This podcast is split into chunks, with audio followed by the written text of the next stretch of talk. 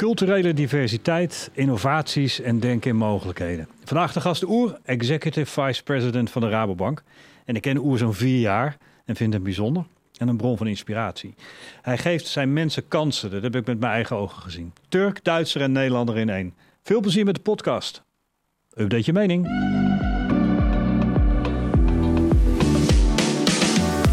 Ontmoet bijzondere mensen. Leer nieuwe dingen. En update je mening. Dit is de podcast van New Life University. Update je mening met Anatol. Een eer dat je hier bent. We Ja, kennen die- elkaar een eh, aantal jaar. Ehm, en ik vind het echt leuk dat je hier bent. Nou, die eer is eh, geheel mijnerzijds. Ik vind het ontzettend tof dat ik dan ook bij een van de eerste podcasts van Anatol dan mag eh, aanschuiven. Dankjewel Anatol. Alsjeblieft. Heel graag gedaan. Zou jij, omdat wij elkaar jaren kennen, zou je jezelf kunnen voorstellen? En ehm, misschien dat ik hier en daar een paar vragen stel. Zeker. En voordat je het weet, is er zo een uur, anderhalf om. Ja, zeker. Ja, ik ben Oer, eh, geboren in Nürnberg, Duitsland. En ehm, kind van een Turkse Gazawaris-gezin. Mhm. En woon nu sinds eh, ongeveer 15 jaar hier in Nederland. En ehm, ja, er zijn vaak twee redenen waarom iemand dan van Duitsland naar Nederland komt. Hè, want die vraag krijg ik dan vaak. Oer, wat doet een Duitse Turk in Nederland? Ja, vertel, wat doet hij? Eh, nou, ik ben niet voor het werk naar Nederland gekomen, dat is reden één. eh, Mhm. Maar eh, meer eerder dan voor reden twee, namelijk ja, voor, een, voor mijn grootste liefde. Dus ik heb jaren terug een Zaanse schoon ontmoet en voor haar ben ik naar Nederland gekomen. Een goede reden. Zeker, zeker. Om maar met de deur in huis te vallen, is dat een, is dat een verschil als je als, als Turk in Duitsland komt? En dat is toch een andere cultuur. En van de cultuur van Duitsland weer naar de, de Nederlandse cultuur komt. Het is een interessante, want ehm, ik ben, ja, toen ik naar Nederland kwam, eh, werd ik dan ook, ja, ik kon natuurlijk niet goed, eh, goed Nederlands ehm, in het begin. Ik moest dan Nederlands leren. Het ging wel gemakkelijker voor mij, of makkelijker in ieder geval, omdat ik natuurlijk de Duitse taal beheerste. Maar desalniettemin, ik maakte wel fouten. En wat je dan zag was dat eh, mensen soms, eh, die met mij dan ook in gesprek eh, gingen, nou, die een beetje raar keken of zeiden, nou goh, die Marokkaan weer, hè, de rot Marokkaan, die dan niet eens hier? Nederlands heeft geleerd. Zo direct. Ja, zo direct Wow. ook. Ja, dus, maar aan de andere kant, ik heb veel mensen toch leren kennen afgelopen jaren, die mij dan iets gunnen. En eh, die mij dan ook eh, tips gaven en eh, waar ik dan ook echt goed bevriend mee ben. Dus op zich valt er enorm mee. Mhm. Uh, Integendeel, hè, dus ik kan nu ook Nederland echt mijn thuis noemen. Hè, dus dat is ook gaaf. Mijn kinderen zijn natuurlijk hier geboren en zij groeien hier op. Ehm, ik werk hier natuurlijk en ja, het gaat dan wel makkelijker. Ehm, Duitse en Nederlandse cultuur, daar had je het ook over. Dat is een verschil, want ik ben zelf half Oekraïner, wel opgegroeid in, in Nederland. Maar ik voel toch ook al wel dat, dat er verschillende culturen zijn. Even Klopt. los van het feit dat ik veel heb gereisd. Hoe, hoe voel je dat? Of, hoe, of is dat verschil misschien? Nou, in, eh, er is wel een verschil. Want in Duitsland zijn we natuurlijk wel wat vrij ehm, eh, formeler eh, richting elkaar toe. En dat heeft niets te maken met dat wij dan afstand willen creëren. Hè? Dus, en wij spreken elkaar natuurlijk per u aan. Maar dat heeft iets te maken met tonen van respect. En, Is dat tegenovergesteld van doet ze toch? eh, dat klopt, ja. Ja, dat ja. klopt. En ehm, als ik het... ehm, en als ik dan mijn periode in Nederland vergeleek, eh, dat is natuurlijk een klein beetje anders. Eh, ja, misschien moet ik dan een van mijn eerste ervaringen met je, met je delen.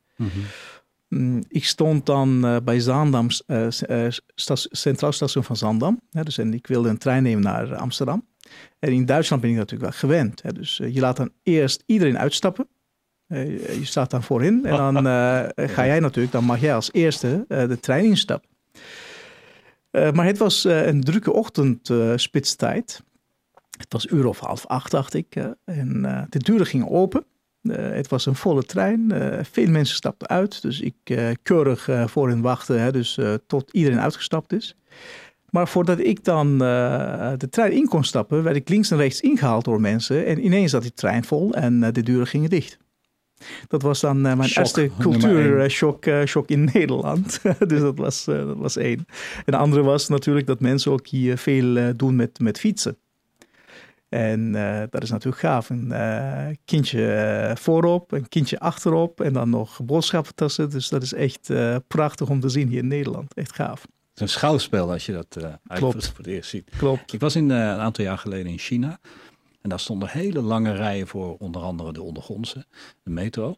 En als iemand aan haast zat, dan drong die voor. Maar dat werd zo helemaal niet ervaren. Die werd gewoon voorgelaten. Oh ja.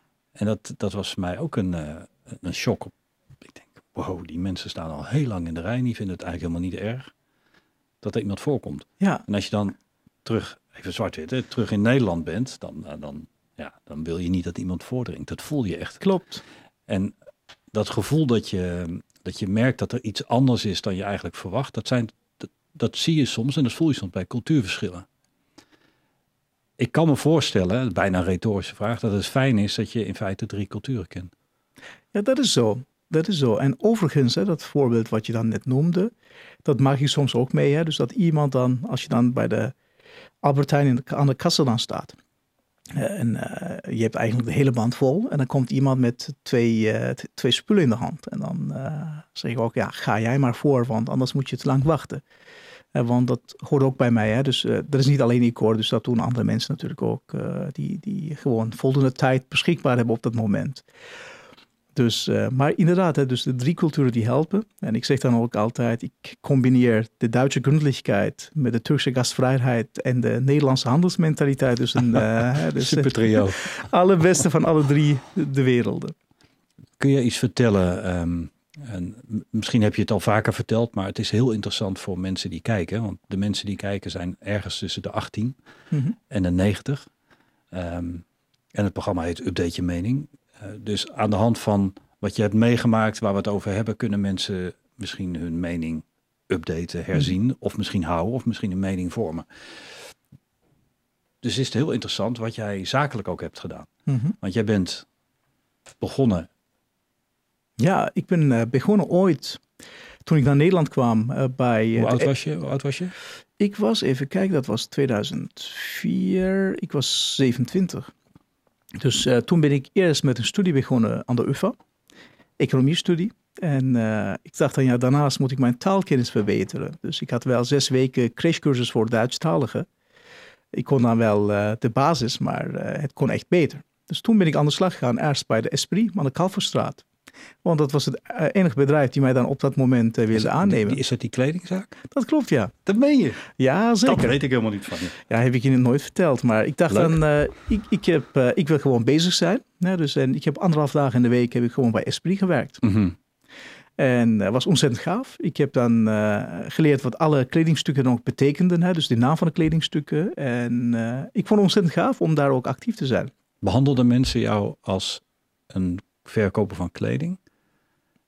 Hmm, dat is een goede vraag. Sommigen wel. En sommigen ook niet. Hè. Dus uh, soms werd je ook heel gek benaderd. Hè. Dus, mm -hmm. uh, nou, kun je voor mij dat halen? En sommigen die vroegen dan ook echt om advies. Mm -hmm. En sommigen waren geïnteresseerd naar, goh, uh, waar kom je vandaan? en sommigen waren überhaupt niet geïnteresseerd, hadden geen tijd. Uh, maar het mooie van Amsterdam is natuurlijk, is een multiculturele stad. Dus mm -hmm. daar kwamen ook veel mensen uit het buitenland. En uh, dus uh, ik kon natuurlijk ook met al die drie culturen in mijn binnenzak, kon ik natuurlijk veel, veel, veel doen. Ja, en jij wist iets wat de rest niet wist. Jij wist wat je nog allemaal ging doen in die jaren daarna. Want je had Ja. natuurlijk enorm veel ambitie. nou, weet je, ik, ik wist in ieder geval voor mezelf, Mhm. ik wilde dingen doen die dan ook echt een betekenis toevoegen in de samenleving. Dat was voor mij belangrijk en die ook mij eh, helpen om te groeien. Hoe komt dat? Ehm, ja, punt was, ik was dan eh, relatief jong, ehm, volgens mij 15, 16 in Duitsland. Toen had ik zoiets van, ehm, waar wil ik naartoe? Dus welke stappen wil ik in de komende jaren zetten? En eh, ik heb toen gezien dat ik eigenlijk de mensen die ook op dat moment ergens in een verenigings, uh, verenigingsbestuur zaten of bij, bij, bij andere instellingen, die vond ik niet echt goed genoeg acteren. Dus ik wist, het kan anders, het kan beter. En toen heb ik ook bij de vereniging waar ik dan ook actief was, bij de basketbalvereniging in Duitsland, heb ik dan ook meteen de voortrekkersrol genomen. En ik heb gezien dat het mij dan ook echt best beviel en dat het ook beter ging daardoor. En werd dat gewaardeerd? Werd enorm gewaardeerd, ja. Aha. En je weet, de verenigingen er zijn vaak ook uh, vrijwilligers, in Duitsland ook. En uh, dat ik daar überhaupt een bijdrage wilde leveren, dat was dan uh, gaaf. Ik was jong. En, maar ik pakte eigenlijk ook de activiteiten meteen serieus op. Mhm. En dat vond men ook goed. Hè? Dus, en dat zorgde ervoor dat daar ook meteen een professionalisatie daarbovenop kwam. Mhm. Dus en ik wist dat wat ik, wat ik ook doe, hè, dus ik wil ergens impact hebben op een positieve wijze. Op mensen? Op mensen, Mhm. op mijn omgeving. Mhm. En als ik dat niet kan, eh, kan doen, ja, dan eh, ben ik natuurlijk wel doodongelukkig. Mhm. Nou, zo, zo, zo ken ik je dat je impact wil maken en ook impact maakt. Dus die snap ik. Is dat iets wat je vanuit huis hebt meegekregen? Eh, zeker. Hè, dus mijn, als ik dan kijk naar mijn ouders. Ze zijn in de jaren zeventig zijn ze naar Duitsland geëmigreerd. En eigenlijk hebben ze hard gewerkt. Hè, dus ze hebben 16 eh, uur per dag eh, gemiddeld gewerkt. Hè, dus met Dat verschillende banen. Dat zag jij? Dat zag ik dan ook. Hè, Aha. dus, en eh, als je dat ziet, maar ondanks dat en ondanks dat ze dan gebrekkig Duits praten, want ze hadden geen tijd om Duits te leren, zij moesten werken.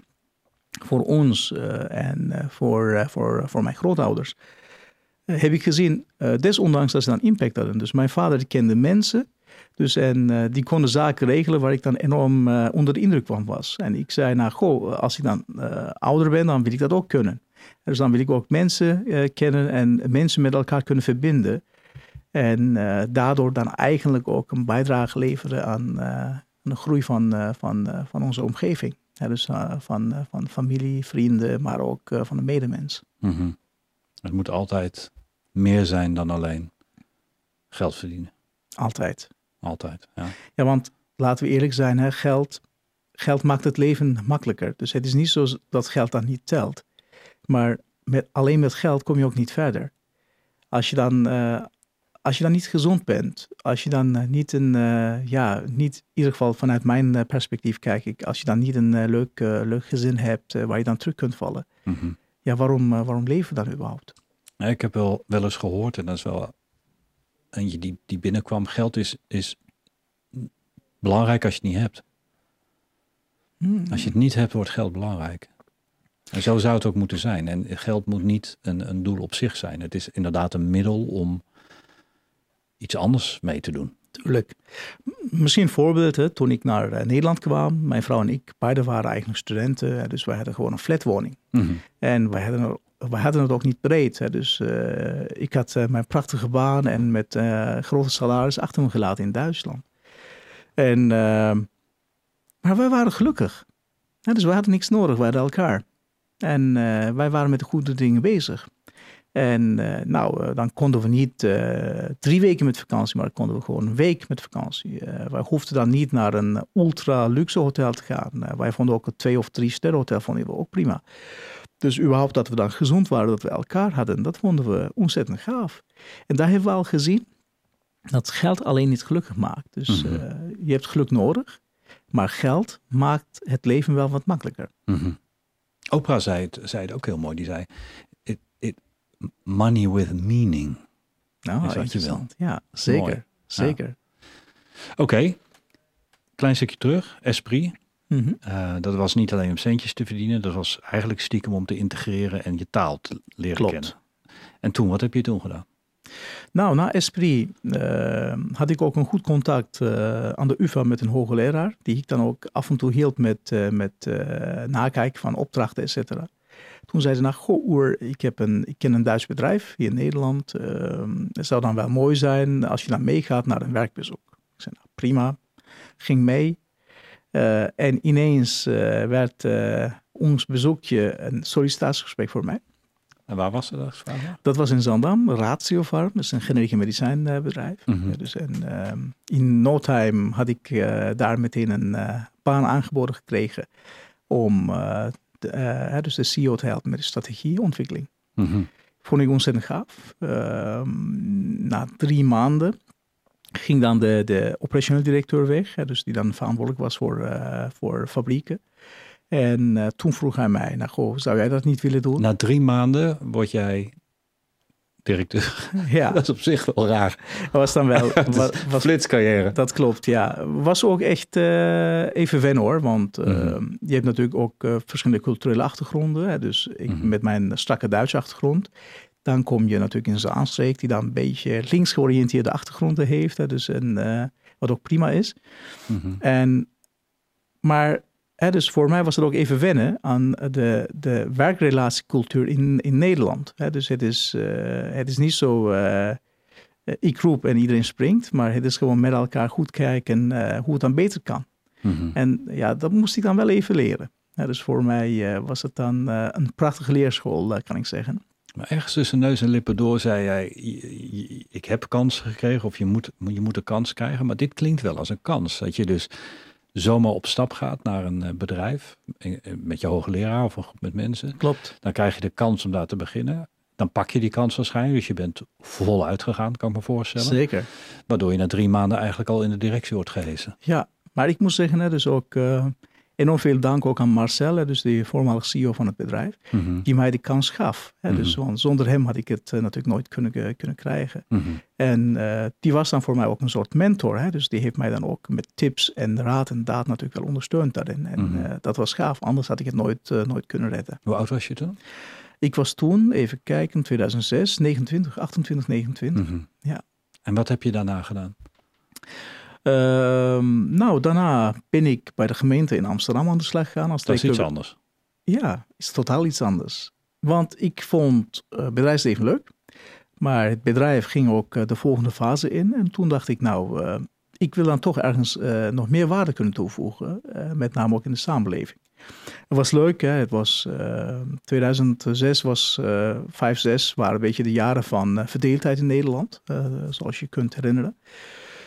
Ehm, en ik was ook vooral een beetje ja, niet tevreden met, met overheid en overheidsbeleid. En ik eh, mopperde af en toe daarover. En eh, mijn vrouw die zei dan thuis, gaat, Doe er eh, wat aan, man. ja, weet je, je moet dan niet mopperen. Als je echt Ja. iets wilt veranderen, dan moet je er gaan werken. Mhm. Toen dacht ik, goed idee. Dus uiteindelijk ben ik bij de gemeente Amsterdam dan terechtgekomen. En werd dan directeur bedrijfsvoering en dienstverlening voor een van de stadsdelen. En tevens voorzitter van directeur bedrijfsvoering van de zeven stadsdelen van Amsterdam. Mhm. was een eh, ontzettend gaaf functie. Dus ik heb daar ook geleerd. Hè. Dus ik had ook al die percepties daarvoor. eh, ideeën dat eh ambtenarij langzaam werkt, traag werkt. die dan niet echt goed willen werken. Maar ik heb gezien dat daar ook knijter hardwerkende mensen zijn. Die echt met eh, hart en ziel ook, eh, hè, dus eh, medemens, burgers willen ook helpen. Dus dat heeft mij enorm die ogen geopend. En het was ook leuk vanuit mijn kant dan ook om te kijken. Naar, dus kunnen we dan ook de gemeente een klein beetje zakelijker verzakelijken. En dus het was denk ik win-win voor, voor ons allemaal. Interessant, interessant. Ik kan dat trouwens onderschrijven met, met de ambtenaar. Ik heb af en toe momenten dat ik voor ambt- ambtenaren mag werken. Maar ook specifiek heb ik eh, twee dingetjes gedaan voor de gemeente Amsterdam. En de eerste keer dat ik binnenkwam eh, bij een van de kantoren was er zoveel bedrijvigheid. Dat dat beeld van dat, dat, dat ze niet hard zouden werken, of het ambtenarenbeeld zoals jij Ja. het schetst, dat was in één keer weg. Dat was zeer inspirerend. Het is enorm. Ik heb collega's gezien die dan tot eh, echt enorm hard aan het werken zaten. Ehm, hè, dus die hun werk wilden afmaken. En, eh, Mhm, en ik hoor dan nu nog steeds hè, soms. Ik ben eh, natuurlijk nu eh, al acht jaar weg bijna. mhm. En als ik dan nu mensen hoor die dan over ambtenarij eh, klagen, ja, daar, ben ik, daar hebben ze mij altijd tegen hun. Want Ja. ik weet hoe het echt zit. Dat laat je ik merken meegemaakt. Dat laat ik ook weten. Zeker. Ja, terecht. Ja, ja. En, ehm, en, en toen, wat heb je toen gedaan? Eh, toen dacht ik, oké, nou dat is eh, de maatschappelijke kant, dat is Mhm. prima. Maar eigenlijk ben ik op zoek naar eh, iets wat maatschappelijke kant kan combineren met, met de professionele kant. En wat zou dat dan kunnen zijn? En ja, uiteindelijk via omwegen ben ik bij de Rabo terechtgekomen. Dus Dus we hebben commercie gehad, we hebben maatschappelijk. maatschappelijk gehad en nu komen we bij de, de, de olie van de radaren Dat klopt, in ja. een land. Dat klopt. En dat is natuurlijk de Rabobank. Dus eh, ja, ik ben bij Rabo Interim Management gestart. Mhm. Dat was eh, toen ik daar begon de, eigenlijk een voorportaal om, eh, om directeur te kunnen worden, hè, statutair directeur bij een lokale bank. Mhm. Want lokale banken waren toenertijd nog allemaal zelfstandig met een eigen bankvergunning. En Mhm. eh, daar had je dan ook als statutair bestuur goedkeuring nodig van, van Nederlandse bank in de zin. En eh, om dat te kunnen doen, dat kun je natuurlijk niet zomaar zonder een track record en ervaring. Eh, hadden ze een intern platform opgezet, hè, dus intern management, om bij diverse banken ervaring op te doen en je track record op te bouwen. Mhm. Dat heb ik een aantal jaar gedaan. Dat was ontzettend gaaf. Ik heb meerdere rollen gehad. vier rollen in de rol van CFRO, dus directeur bedrijfsvoering en dienst, uh, directeur bedrijfsmanagement. Mhm. dus maar daarin ook uh, de, de risk kant erbij. En vier rollen in de rol van directievoorzitter van, van lokale bank. En, en als ik dat vrij vertaal, heb je bij de directievoorzitter van vier verschillende Rabobanken geweest. Dat klopt. plekjes. Ja. Oh, dat is interessant. Zeker. Weer verschillende culturen, maar dan binnen één bedrijf, binnen één land. Ja, dat klopt. Het was ook echt gaaf Mhm. om dat te zien. Hè, dat ja, Nederland zo mooi is en, en, en zo, zo verschillend toch. Maar dat, Mhm. dat verschil is juist ontzettend gaaf. Mhm. En ik heb verschillende uh, uh, soorten klanten en bedrijven mee mogen maken. Van, van veehouderij tot, uh, tot een MKB-bedrijf, tot een installatiebedrijf, ZZP'ers, grote multinationals. Het is echt gaaf. En uh, ja, daar ben ik enorm dankbaar voor, uh, ook aan de Rabobank. En je, je, ik kan me zo voorstellen dat je daar ook het gevoel hebt dat je iets kan betekenen. Klopt. Want als jij, ik sla me eventjes plat en als het te plat is moet je me even helpen. Ik kan me voorstellen dat als je een lening kan, kan verschaffen aan, aan een MKB'er die een volgende stap wil maken, die die zonder die lening niet kan maken. En daardoor gaan er meer mensen aan het werk. Daardoor worden er mooiere uh, uh, diensten, producten gemaakt, die dan weer de samenleving ingaan. En zo, zo gaan we dan maar door. Dan betekent je dus iets. Was, was, dat, was dat die drive weer? Exactly. He, dus dat is ook mijn drive weer. Mhm. Als, als je dan mij vraagt, waarom word je dan 's ochtends vroeg wakker? En, en wat, wat is je streven? Mhm. Mijn streven is eigenlijk uh, de, de onrechtvaardigheid, oftewel de ongelijkheid in de wereld zo klein mogelijk te maken. He, dus en uh, ja, Rabobank als vehikel helpt mij daarbij. En als ik dan mensen kan helpen om met elkaar uh, in contact te komen, ondernemers bijvoorbeeld, uh, vraag en aanbod.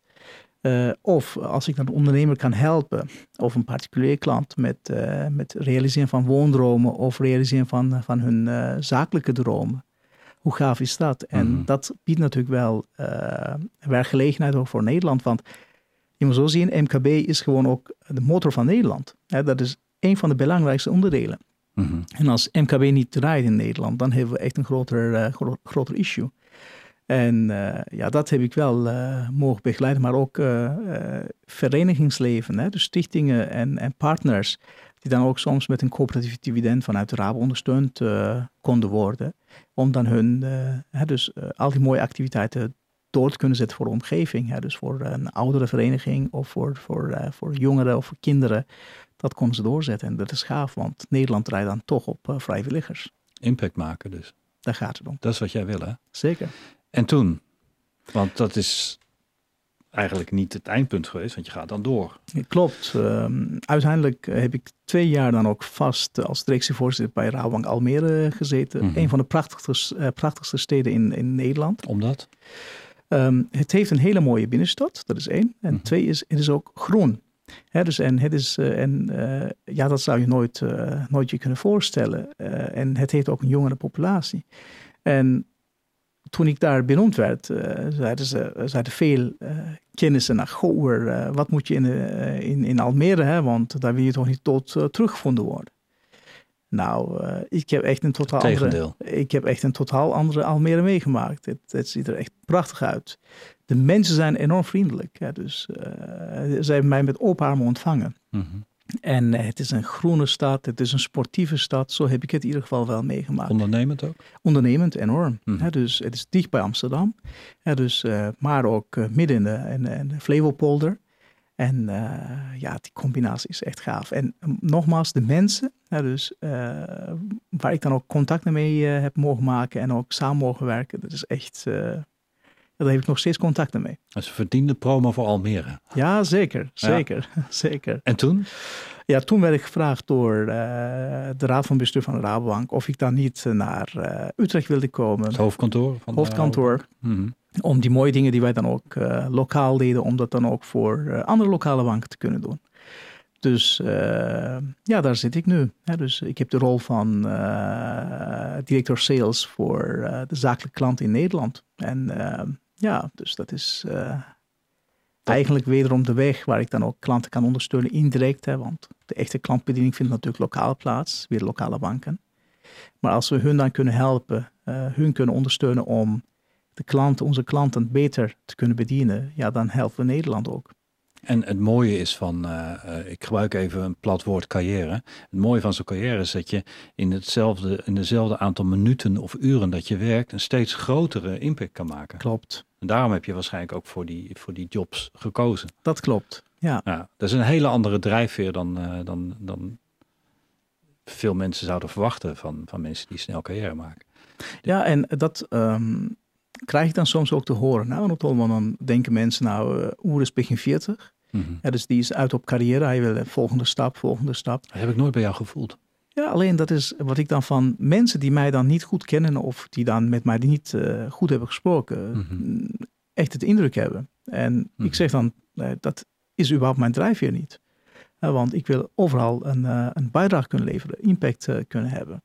En, en, en ja, meestal de rollen, ja, die zijn mij ook zelf aangeboden. Hè? Dus het is niet zo dat ik dan zelf uit ben op carrière en dan denk ik, nou, goh, welke stap ga ik meteen als volgende doen.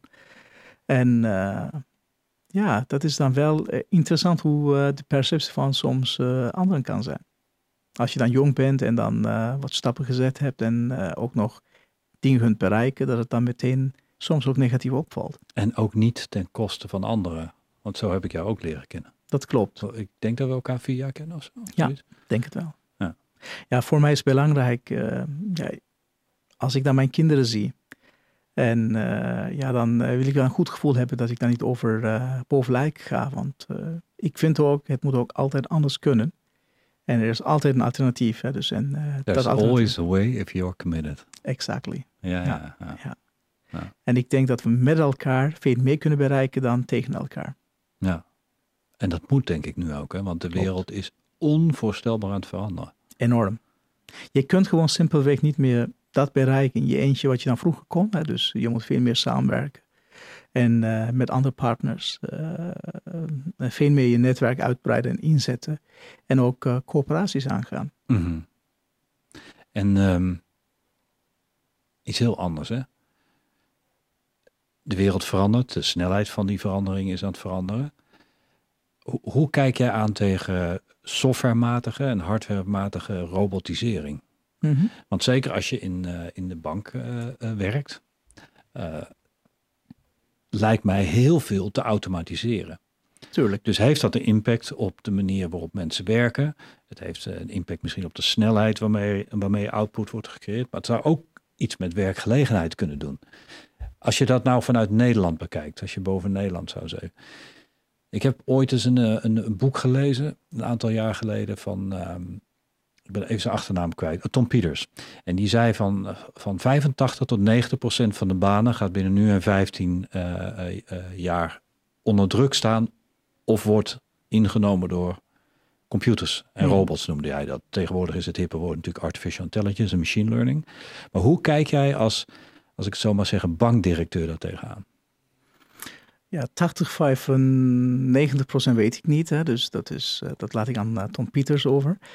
Um, nou, in, in, feite, als we dan terugkijken naar de afgelopen decennia, er is veel veranderd. Als je dan nu al kijkt wat online mogelijk is qua bankdienstverlening, dat is natuurlijk echt ontzettend gaaf. Als je een uh, pas wilt blokken, dan hoef je niet naar de bank te bellen, maar dat kun je gewoon in je app zelf doen. En ik ben zelf natuurlijk ook klant bij de bank. En als ik uh, naar mezelf kijk, dan denk ik, nou, ik hoef niet naar de bank, behalve dat ik natuurlijk bij een bank zelf werk, niet echt naar een bank toe voor, voor bankzaak. Behalve echt voor complexere zaken. Dus als het gaat over hypotheken bijvoorbeeld, daar wil ik dan toch nog even een, een, menselijk advies hebben. Ondanks dat ik veel zelf kan doen, ondanks dat ik dan zelf veel dingen kan, kan checken, wil ik toch een menselijk contact hebben. Um, dus kortom, als we kijken naar de afgelopen decennia, enorm veel is gedigitaliseerd op een uh, natuurlijke wijze. Ik denk dat wij dat ook met elkaar geadopteerd hebben. Hè? Dus dat wij ons dat ook eigen hebben gemaakt en dat we dat ook uh, prima vinden. En, uh, maar ja, dat is afhankelijk ook van de doelgroep. Hè? Dus kijk, voor jongeren denk ik dat online en digitaal en artificial intelligence dus veel meer de weg wordt in de toekomst. Voor onze leeftijdsgenoten. Hè? Dus uh, denk ik dat wij dan ook dat prima kunnen en dat we dat ook willen. Uh, voor complexe producten willen we dan toch nog wel face-to-face contact hebben. Dat kan ook zakelijk zijn, hè? maar het kan ook uh, privé zijn. Maar als je het dan hebt over de, de, oudere generaties, hè, dus laten we het hebben over mensen die dan nu ook met pensioen zijn, die dat ook lastiger vinden of richting 70, 80 zijn, mm -hmm. het moeilijker vinden om bankzaken online te kunnen doen. Ja, daar denk ik ook wel dat wij ook vanuit onze maatschappelijke kant moeten kijken, hoe kunnen we dan ook onze klanten ook in dat segment optimaal ondersteunen en dat wij hun dan niet aan hun lot overlaten. -hmm. Ja, ik denk dat, dat de menselijke component altijd zal blijven. Maar je zou kunnen voorstellen dat, dat daar een verschuiving in is. Weet je, wat je merkt is dat er heel veel vraag naar data analytics mensen is. Hè? Dus mensen die, die, die, die, die iets met de data kunnen. De, de data lakes en de, en de big data. Klopt. En, en service voelt nog altijd het beste als je een mens om je heen hebt. Ja, en ik denk dat je helemaal gelijk hebt aan het rol. En uh, het, is, het gaat veel meer om de goede combinatie tussen high-tech en high-touch. Mhm. dus uh, high-tech, dat zal dan nooit meer uit ons leven verdwijnen. Alleen maar meer worden. Alleen maar meer worden. Mhm. Maar dat wat je dan ook high, uh, dus los van high-tech uh, kunt krijgen, dus in persoonlijk contact, wordt des te belangrijker. Want daar kun je impact hebben richting je klanten. En dat moeten we natuurlijk ook überhaupt als ondernemers, moeten we goed benutten. Hè? Dus moeten we goed inzetten dat onze klanten dan ook in die beperkte momenten fan worden van, onze, van ons bedrijf. En als je dan, en als je dan nog verder afstand gaat nemen, je beschrijft net de, de, de sector banken, Mhm. en je gaat, gaat naar Nederland zelf kijken, maar misschien ook Europa of de wereld. Ik denk zelf dat er best wel veel jobs overbodig gaan worden. Ik weet ook zeker dat er nieuwe jobs nodig gaan zijn. Maar dat zal niet in dezelfde snelheid en hoeveelheid zijn. Dat is mijn, mijn persoonlijke idee. Hoe, hoe kijk jij daar tegenaan als professional en als mens? Um, als ik dan misschien een voorbeeld mag geven. Een uh, vriend van mij die uh, zit bij de, bij de Nederlandse, of zat bij de Nederlandse landmacht. Dus, en die heeft me een verhaal verteld over jaren terug dat, de, uh, dat er een verandering kwam in Nederland. Dus, want je weet, vroeger hadden, hadden wij natuurlijk paarden. Dus, en toen kwamen wel automobiels. En toen vond iedereen dat lastiger, hè? want je had natuurlijk al die mensen die dan ook de paarden begeleiden en die paarden, paarden verzorgden, die had je niet meer nodig. Maar tegelijkertijd, iedereen maakte zich zorgen daarover, maar tegelijkertijd ontstond daar gewoon nieuw werk. Nieuw soort werk, dus ander soort werk. En veel mensen konden dan toch omgeschoold worden en dan ook nog een baan vinden bij verzorgen in plaats van de paarden van de auto's. En weliswaar niet zoveel als vroeger, maar dan wel toch een, een, nieuwe rol. Ik geloof daarin dat er zeker veranderingen zullen komen, ook in de komende tijd. Nou, verschuiving eigenlijk. Maar eigenlijk een verschuiving. Dus wat je dan net aangaf. Uh, vroeger hadden we datatypisten nodig en straks heb je data-analysten nodig. Hè, dus en uh, een aantal cruciale rollen, uh, dat zullen zeker ook veranderen. Net als heb je dan voor een eenvoudig juridisch advies nog steeds een jurist straks nodig. Of, of IBM Watson. Of IBM Watson bijvoorbeeld, mm -hmm. of, of iets, iets zorg, soortgelijks. Dus dat weet ik niet. Ik, ik, denk dan wel dat dan de verschuiving plaatsvindt, maar er ontstaan natuurlijk wel nieuwe soort jobs ook. -hmm. Dat kan zijn een, een robot engineer bijvoorbeeld, of een data engineer, of social media manager. Ja, dus daar komen ook nieuwe soort jobs. Ik denk dat we gewoon uh, dat er voldoende baan zal zijn voor iedereen. Ja, dus mits je openstaat voor de verandering. Ja, dus uh, mits je openstaat om nieuwe dingen te leren. En mits je ook continu werkt aan je, aan je, aan je skillset, maar ook vooral aan je communicatieskills. Ja, ik vind het een hele coole tijd. Maar het zet me wel vaak aan denken. We zitten nu met elkaar in een studio. Er zijn vier camera's hier. En die bevatten artificial intelligence. En wij hebben aangegeven dat ze op ons linkeroog scherp stellen. Ja. Dus die camera's, die, die, die houden het scherp. Um, een aantal jaar geleden had ik vier cameramannen nodig. Zie je? Het zou best kunnen zijn dat, dat we meer mensen in de, in, in, de in de fabrieken nodig hebben om deze te maken. Dat, dat, dat zou kunnen, dat, dat daar die verschuiving zit. Maar ik heb zelf een vermoeden, maar dat weet ik niet zeker. Ik heb een vermoeden dat, dat robots uiteindelijk robots zullen maken. En, en dat brengt me op een volgend onderwerp. Mm -hmm. En dat vind ik een hele spannende, omdat ik daar niet zo gek veel van af weet. Is als dat nou gaat gebeuren zoals ik denk dat het gaat gebeuren. Dat er dus wat jij heel mooi beschrijft, een wisseling van taken en jobs gaat komen. Waarbij ik misschien nog wel het vermoeden heb dat dat in zo'n snelheid gaat dat uiteindelijk ook robots, robots maken en artificial intelligence, artificial intelligence programmeert. Dus dat je misschien wel minder mensen nodig hebt om te werken. Dat gecombineerd met de rijken worden altijd rijker en de armen altijd armer. Ik, ik heb laatst gehoord dat drie tot zeven, misschien uh, kan Robin dat heel even opzoeken, dat vijf tot zeven uh, uh, mensen in de wereld het totale inkomen met z'n vijven of zo verdienen van de rest, zeg maar. Um, Wauw. Ja, dat is, dat is ongelooflijk. Dat is ongelooflijk. En dan, dat brengt me op een vraag van... Zou er zoiets moeten komen als een universal basic income? Er is nu een, een, een, een kandidaat in, in Amerika, een presidentskandidaat, die heel erg aan de slag is en, en dat bovenaan de agenda heeft gezet.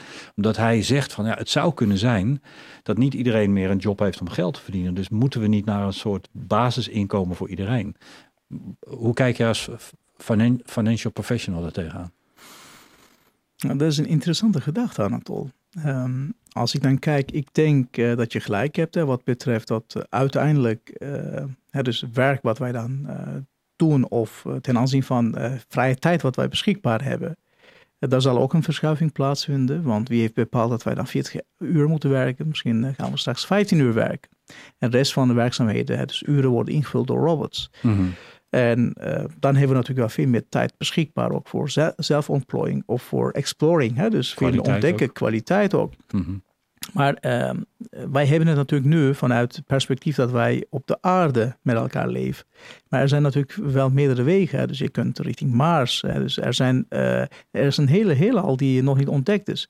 Daar heb je ook niet alleen, dat kun je niet alleen met robots doen. Dat moet je dan ook, uh, hè? dus daar heb je zeker mensen ook voor nodig. Dus kortom, ik denk uiteindelijk uh, dat inkomen wel belangrijk is, want dat is een vangnet. Uh, die vraag is, hebben we dan, uh, komt daar niet een tijdperk ooit, hè? ik weet niet of ik het zelf ga meemaken, maar dat wij dan ook van dat armoede en van dat hè, dus hongersnood dan afkomen met elkaar. Mm -hmm. Dat we als samenleving dan ook een andere level hebben bereikt. En dat we dan eigenlijk de tijd wat wij beschikbaar hebben kunnen inzetten voor veel meer ontdekken en veel meer zelfontplooiing en groei en, uh, en uh, kwaliteit van leven. Dat is een interessante, interessante gedachte.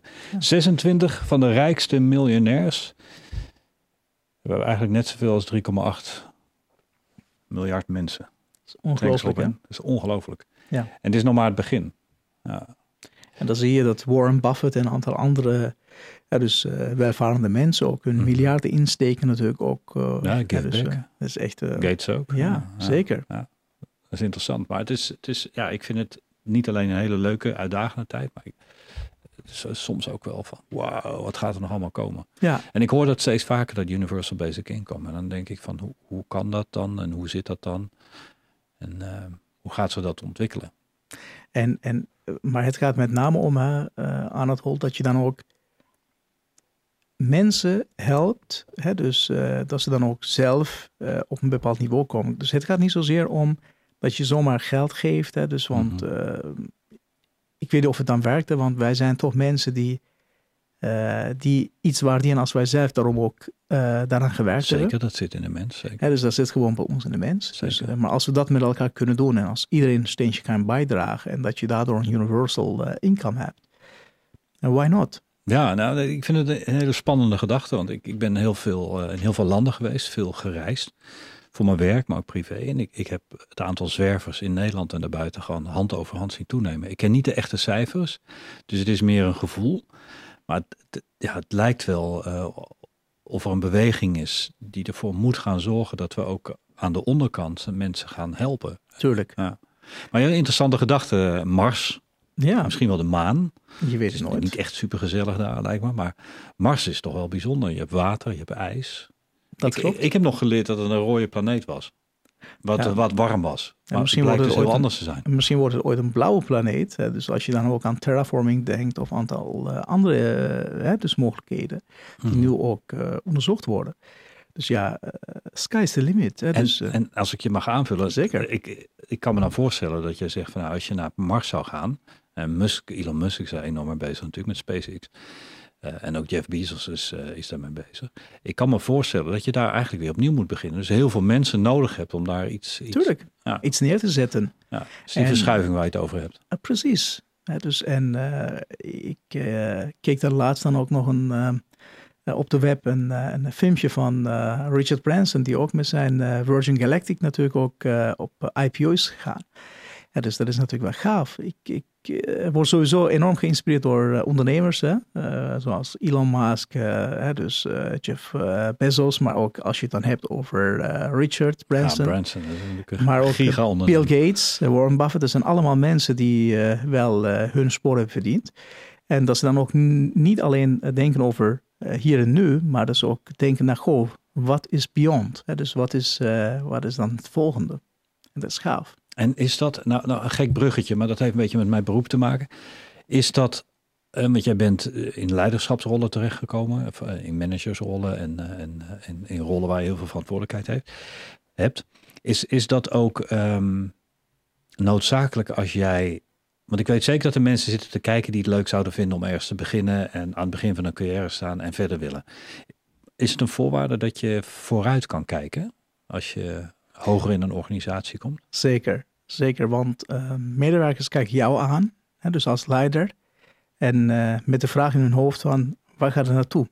En dus het is ook belangrijk dat je dan vooruit kunt kijken, dat je dan ook hè, dus de richting aangeeft. Dat is leiderschap. Mm -hmm. dus je kunt veel dingen delegeren. Uh, Alleen dit soort dingen, wat ook echt bij leiderschap thuis hoort, dat kun je niet delegeren als leider. Ik mag met iemand werken die, die, die zoomt heel snel in en die zoomt heel snel uit. Gaaf. En dat is wat jij ook doet. En dat is wat heel veel leiders doen, eigenlijk bijna alle leiders. Maar de kunst is dan dat je als je uitgezoomd bent, mensen ook laat weten, ik ben nu uitgezoomd. En als je bent ingezoomd, dat je mensen laat weten, ik ben ingezoomd. Dat is één. En twee, dat je dan de tussenstapjes, hoe je tot je ideeën bent gekomen, ook toelicht. Is dat een uitdaging? Uh, soms wel. Hè, want het punt is uh, dat je dan ook uh, continu aan het nadenken bent. Hoe kan ik het beter doen? Ja, dus hoe kan de organisaties beter doen? Dus hoe kunnen we het voor onze mensen en voor de samenleving beter doen? En het kan zijn dat je daardoor natuurlijk wel een voorsprong in je hoofd hebt. Ja, dus een denkvoorsprong. Het is niet zo dat je beter bent als leider qua denken dus maar het is gewoon dat je een voorsprong hebt, omdat je natuurlijk wel al langere tijd daarover na hebt gedacht. Ja, maar dat is interessant. Dat betekent dus dat je jezelf in een positie brengt dat je kunt nadenken. Klopt. Ik zal het uitleggen. Um, toen ik begon in mijn, uh, in mijn carrière bij, bij een bedrijf, was ik zo hard aan het werken dat ik eigenlijk weinig tijd had om na te denken. als ik dan thuis kwam, was ik moe. Betekent dat dat jij voor jezelf, uh, het is bijna een retorische vraag, maar dat je voor jezelf momenten creëert dat je kan uitzoomen? Zeker. Wil je daar iets over zeggen? Ja, wat ik dat doe is, is... Dat, dat is iets wat niet iedereen doet, hè? Klopt. Ja, wat ik dan wel regelmatig probeer te doen, is dan ook ruimte in mijn agenda te plannen. Hè, dus echt als placeholder om te gaan lopen, bijvoorbeeld hardlopen. Want ik merk bij mezelf, als ik aan het hardlopen ben, dan uh, denk ik uh, gewoon op een andere manier na. Wat ik ook nog doe is, tijdens hardlopen, mm, als ik dan niet na wil denken, dan luister ik boeken. Hè, dus, audioboeken. Uh, audioboeken. Nou, dus dat helpt mij, want uh, ik heb niet zoveel tijd om uh, zelf boeken te lezen. Dus dan moet ik mijn tijd, schaarse tijd, goed inzetten. Mm -hmm. Dus ik luister ook biografieën van mensen. Hè, dus onlangs nog van Elon Musk, daarvoor voor, van, van Richard Branson.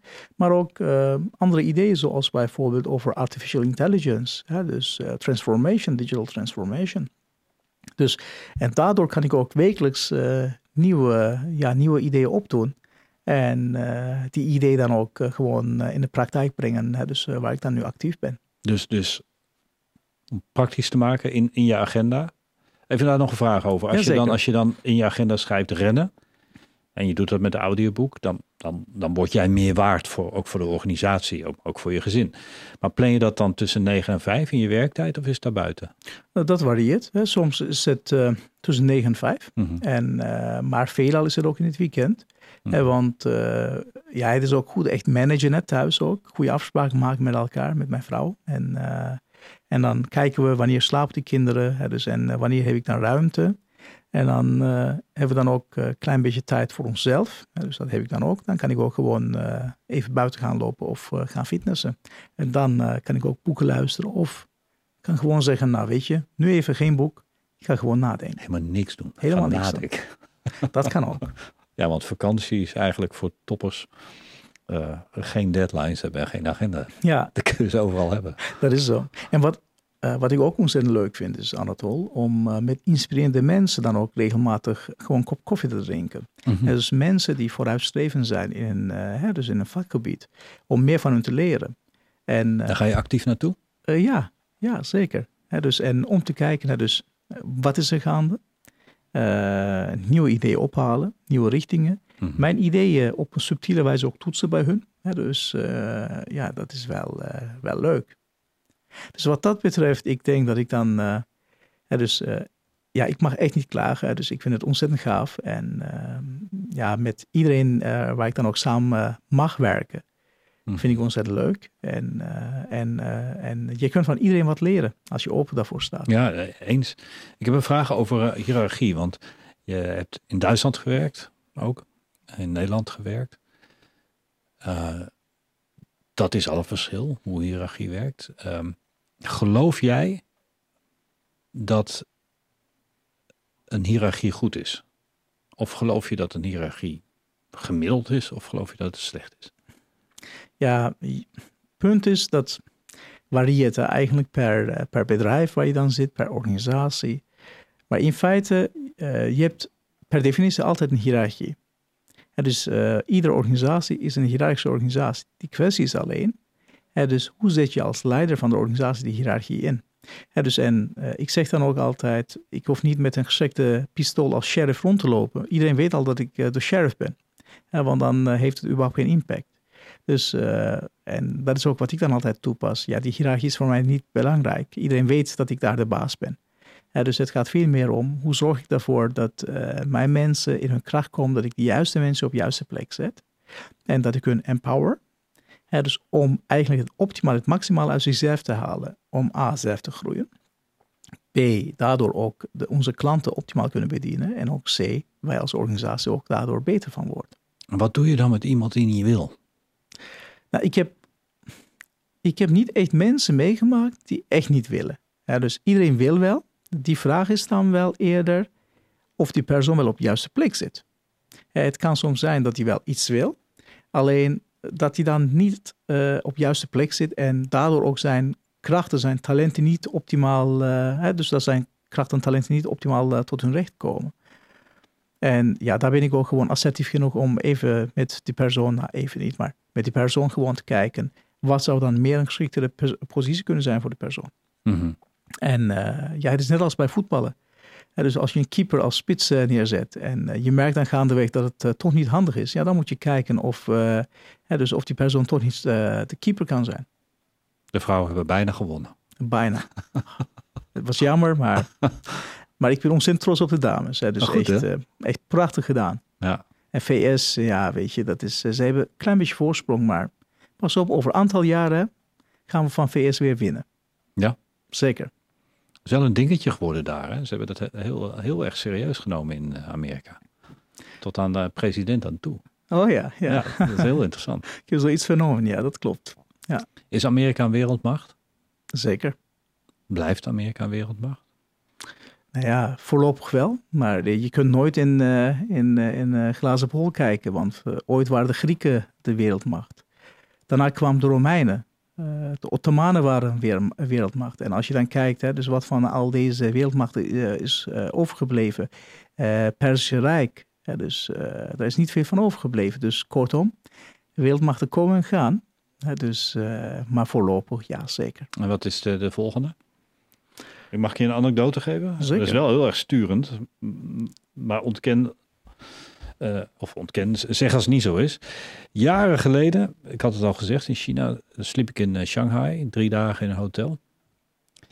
En um, de eerste dag dat ik aankwam, was het na, naast het hotel een, een, een, stuk grond met niets, zand, Mhm. mm -hmm. midden in de, in, de, in de winkel staat. En na drie dagen, toen ik wegging, stond daar een telefoonwinkel waar ze inmiddels al telefoons aan het verkopen waren. dat ben ik nooit meer vergeten. Ongelooflijk, hè? Ja. Die vlijt, die snelheid, die, dat adaptatievermogen. Enorm. Dit is echt.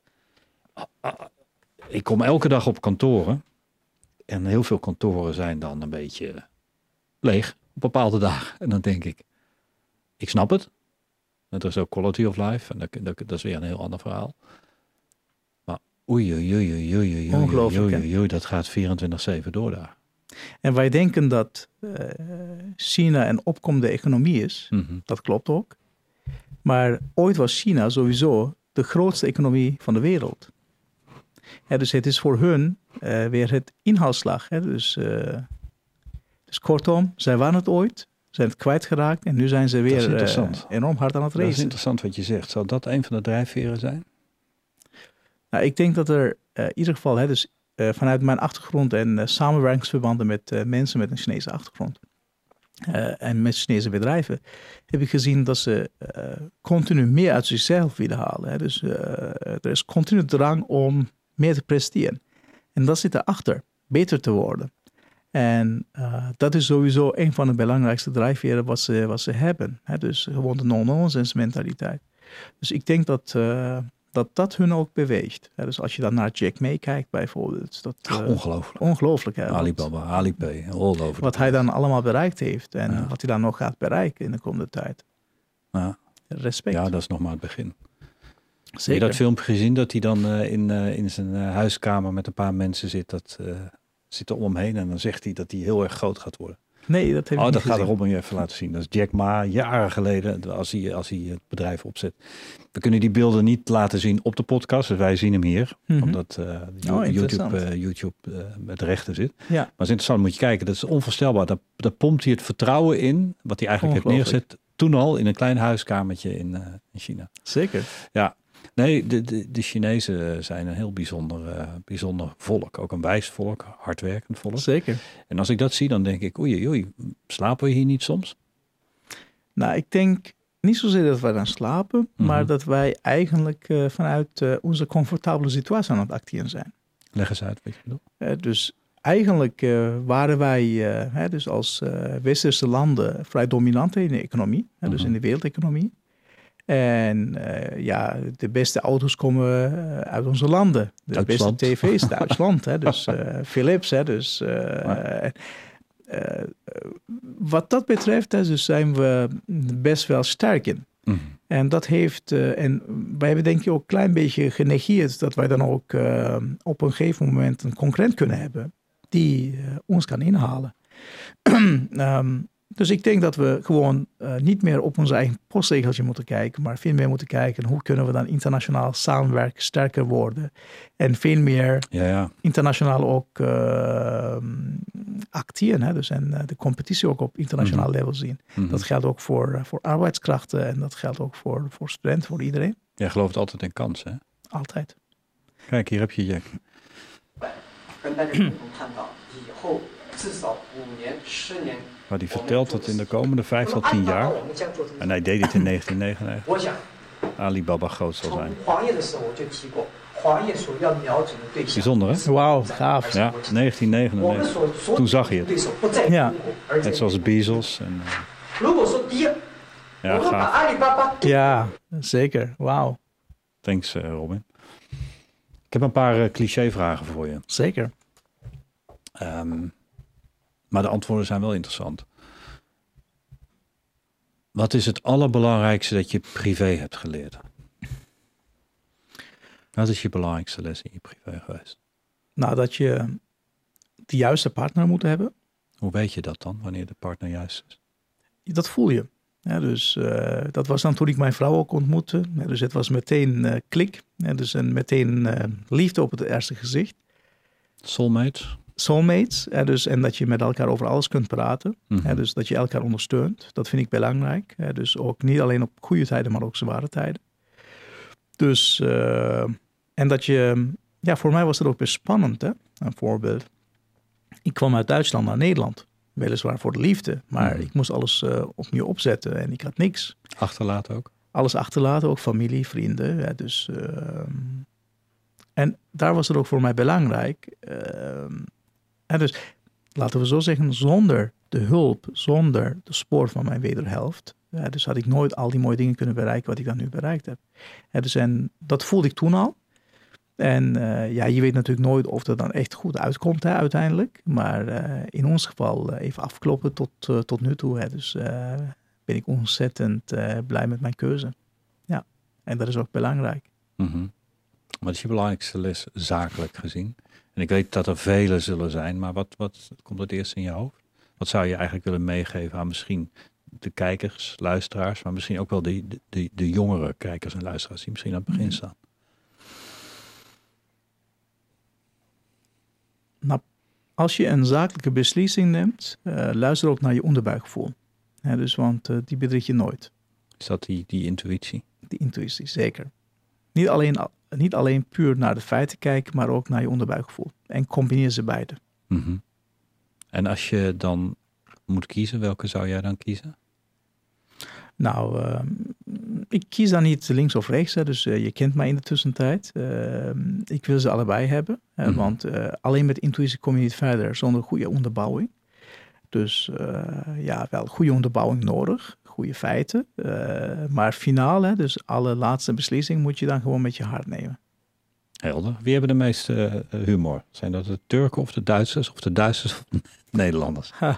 nou, dat, eh, dat is afhankelijk. Hè? Dus ik heb Duitsers gezien die enorm veel humor hebben. Ik heb veel Nederlanders die enorm veel humor hebben. En Turken ook. Dus ja, dat, is, dat varieert. Dat is een En- heel erg diplomatiek antwoord. Dat klopt, hè? maar je weet toch, wij Duitsers maken geen eh, grappen. Toch? ja, dat is waar. Nou, ik moet zeggen dat je alles behalve saai bent. Dankjewel. Ik heb nog een andere vraag voor je. Hoe weet jij of iemand ehm, een talent is? Hmm, dat is een goede Ik vraag. geef straks zelf ook het antwoord. Maar dat is misschien een ander antwoord. Maar ik ben erg benieuwd hoe jij, hoe jij talenten spot. Want ik zie dat je je met mensen omringt. En ook mensen actief naar je toe haalt. Dat noem ik dan de talents en de young talents. Maar hoe zie je dat dan? Nou, vaak is het, eh, als ik dan met, met talenten in gesprek ga, dus eh, dan voel ik ook al aan de hand van hun drijfveren, aan de hand van wat ze al mee hebben gemaakt. Dus of dat dan mensen zijn die ook echt meer stappen willen, willen zetten, dus voor eh, dat ze eigenlijk op het oog hebben om te bereiken. Dat voel ik. Alleen dan weet je natuurlijk nog niet of zij het dan kunnen of niet kunnen. Het gaat niet zozeer om eh, dat ze dan ook meteen taakgerelateerde eh skills moeten hebben, want dat kun, dat kun je altijd leren. Maar het gaat veel meer om de attitude. Dus eh, zijn het mensen die invloed willen hebben? Of zijn het mensen die alleen maar uit zijn op een positie of een carrière stap? Voor mij is het natuurlijk veel meer belangrijk dat ik mensen heb die, die invloed hebben. Zijn het mensen die loyaal zijn? Of zijn het mensen die dan gewoon bij eerst beste kans dan willen, willen wegvliegen? Dat is ook een belangrijke. Want je moet mensen hebben die loyaal zijn, die ook hè, dus op goede wijze de juiste dingen willen, willen, willen doen. En, eh, het moet ook leuke mensen zijn. Dus dat is ook belangrijk. En eh, ja, dan krijgen ze van mij een opdracht. En dan eh, kijk ik wel of ze dat dan goed doen. En dan je. observeren op een subtiele wijze. Ik zorg ervoor hè, dus, dat ze dan niet verzuipen hè, op een goede wijze. Daar waar ik het kan, ondersteunen op een subtiele wijze, zodat ze dan zelf kunnen leren eh, hoe het beter kan. eh, Mhm. zelf kunnen inzien. En eh, ja, dan merk je eigenlijk wel, dan, eh, op- met de tijd zie je dat er aantal eh, zijn die dan met hun hoofd boven water komen Overblijven. overblijven en dan ook echt uitblinken. En dan weet je, dat zijn talenten. En dan geef ik hen ook soms andere zorgtaken die ze nog nooit eerder hebben gedaan. En, en zo ga je hun dan natuurlijk wel op een goede wijze ook ondersteunen. En als ik dan hun zelf niks meer kan bieden, ja, dan eh, ben ik ook assertief genoeg eh, om hun eh, te helpen naar de volgende stap. Mhm. Mhm. En ehm, is, het, is het dan wat je zegt dat, dat mensen dat extra stapje willen nemen? Is dat het? Extra stap? Zeker, zeker. Ja, want dan, dan, als ik mijn eigen statistieken erop loslaat, dan is het een absolute minderheid die dat wil doen. Dus dat is een soort afvalrace. Dat is waar. Ik vind dat moeilijk. Ja, weet je, ik heb ooit geleerd aan het hol. Het verschil tussen goede mensen en succesvolle mensen is subtiel. Namelijk, eh, succesvolle mensen doen ook dingen die ze niet leuk vinden. Ja, dus, en die doen ze ook op uitstekende wijze. Ondanks dat ze het niet leuk vinden. En goede mensen, ja, dus ik wil natuurlijk nu niet eh, iedereen eh, over dezelfde kam gooien.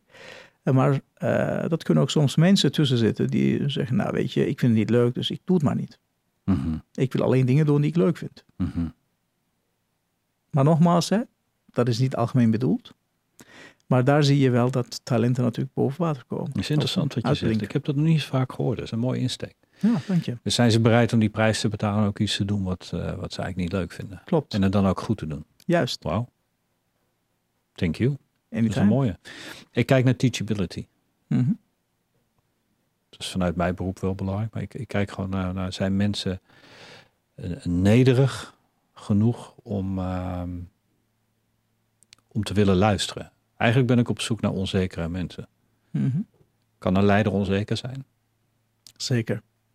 Ben je wel eens onzeker? Zeker. Ja, ik ben ook een mens, hè. Eh, net als de bijna 7 miljard mensen op de aarde. Mhm. Ja, dus eh, ik moet ook eten, ik moet ook drinken. Ik heb ook mijn eh, zekerheden, onzekerheden. En hoe ga je daarmee om? Ehm, ik heb dan moment, eh, veel momenten van reflectie, hè, dus met hardlopen bijvoorbeeld. Maar ook Mhm. met mensen die ik dan ook waardeer, Vertrouw. vertrouw. Dus Mhm. om met hun daarover ook te, te, te praten. Dus dat vind ik wel belangrijk. Om te kijken, zie ik de dingen wel goed? Klopt het dan wel?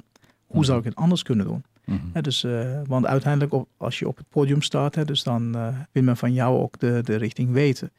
En eh, ja, weet je, en soms weet ik die dingen niet, dan geef ik het ook aan. Ook aan, aan de medewerkers. Dan zeg ik, ja, dat is wat ik weet. Ja, dus dat is hem. Dat is wat ik weet. Maar daar mag ik niks over zeggen en dat is wat ik gewoon niet weet. Totale transparantie eigenlijk. Ook transparant over het feit dat je niet transparant kan zijn over sommige dingen. Dat klopt. Ja, Ja. dat heb ik van de beste mentoren van, eh, van Nederland geleerd. Mooi. En ehm, kun je daar iets mee als ik zeg dat, dat je ook op zoek bent naar mensen die heel erg niet alleen willen en dat extra stapje willen doen, maar die, die ook teachable moeten zijn? Zeker. Is het gek als ik zeg dat je juist onzekere mensen zoekt? Want ik dacht vroeger het tegenovergestelde, maar dit- het zijn vaak de onzekere mensen. Zeker als ze het extra stapje willen doen. En dat heeft zo'n mooi labeltje, de insecure overachiever. Ehm, gemengd met nederigheid, dat, dat, dat is fijn werken met die mensen. En die gaan ook heel snel. Maar dat zijn er zo ontzettend weinig. Klopt. Hoe kan dat nou? Want volgens mij is iedereen wel eens onzeker.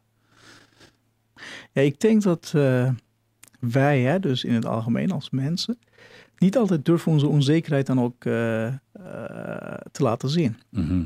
Waarom niet? Ja, dus A, omdat wij bang zijn dat het, dan, dat het ook tegen ons wordt gebruikt. Hè, en dat wat ook soms het geval is. Hè, dus laten we ook eerlijk zijn. Eh, en eh, onzekerheid is, is, maakt ons hè, dus ook kwetsbaar. Hè, dus het is best spannend. Eh, ja, dan is de kwestie, ja, moet je dat dan ook laten zien?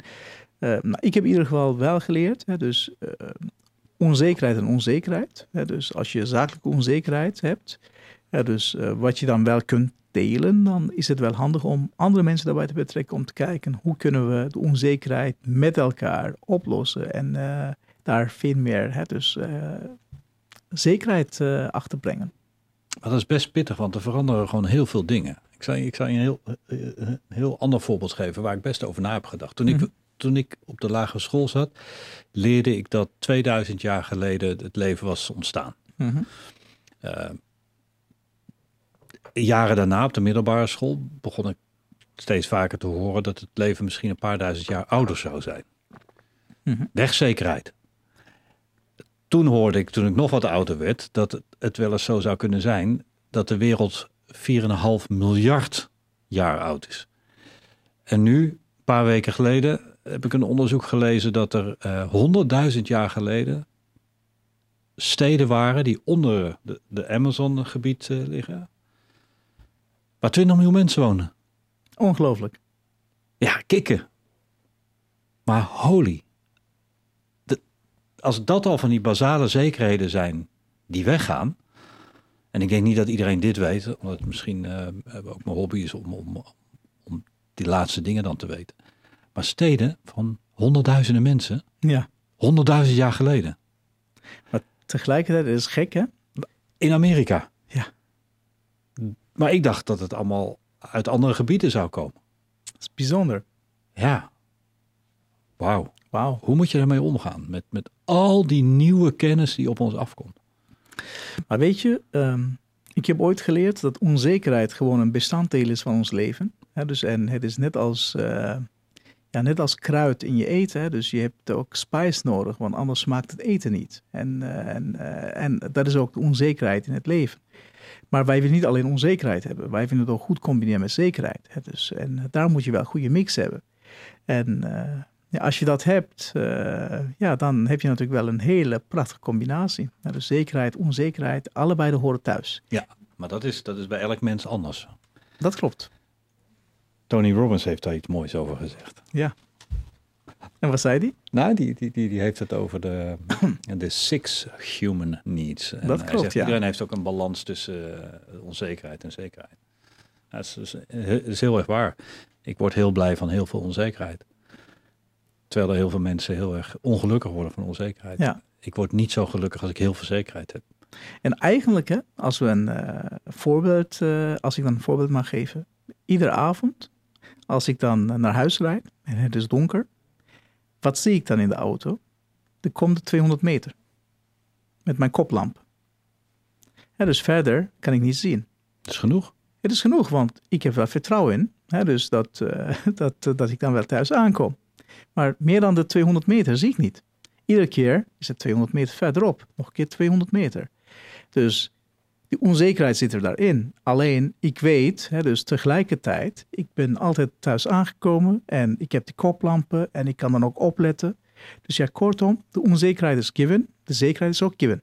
Mm -hmm. En het is wat je als mens daaruit maakt. Dat is het allerbelangrijkste. Mooi gezegd. Ja? Je kunt tientallen kilometers naar huis moeten rijden, maar je hebt dan die paar honderd meter genoeg. Ja. ja. Interesting.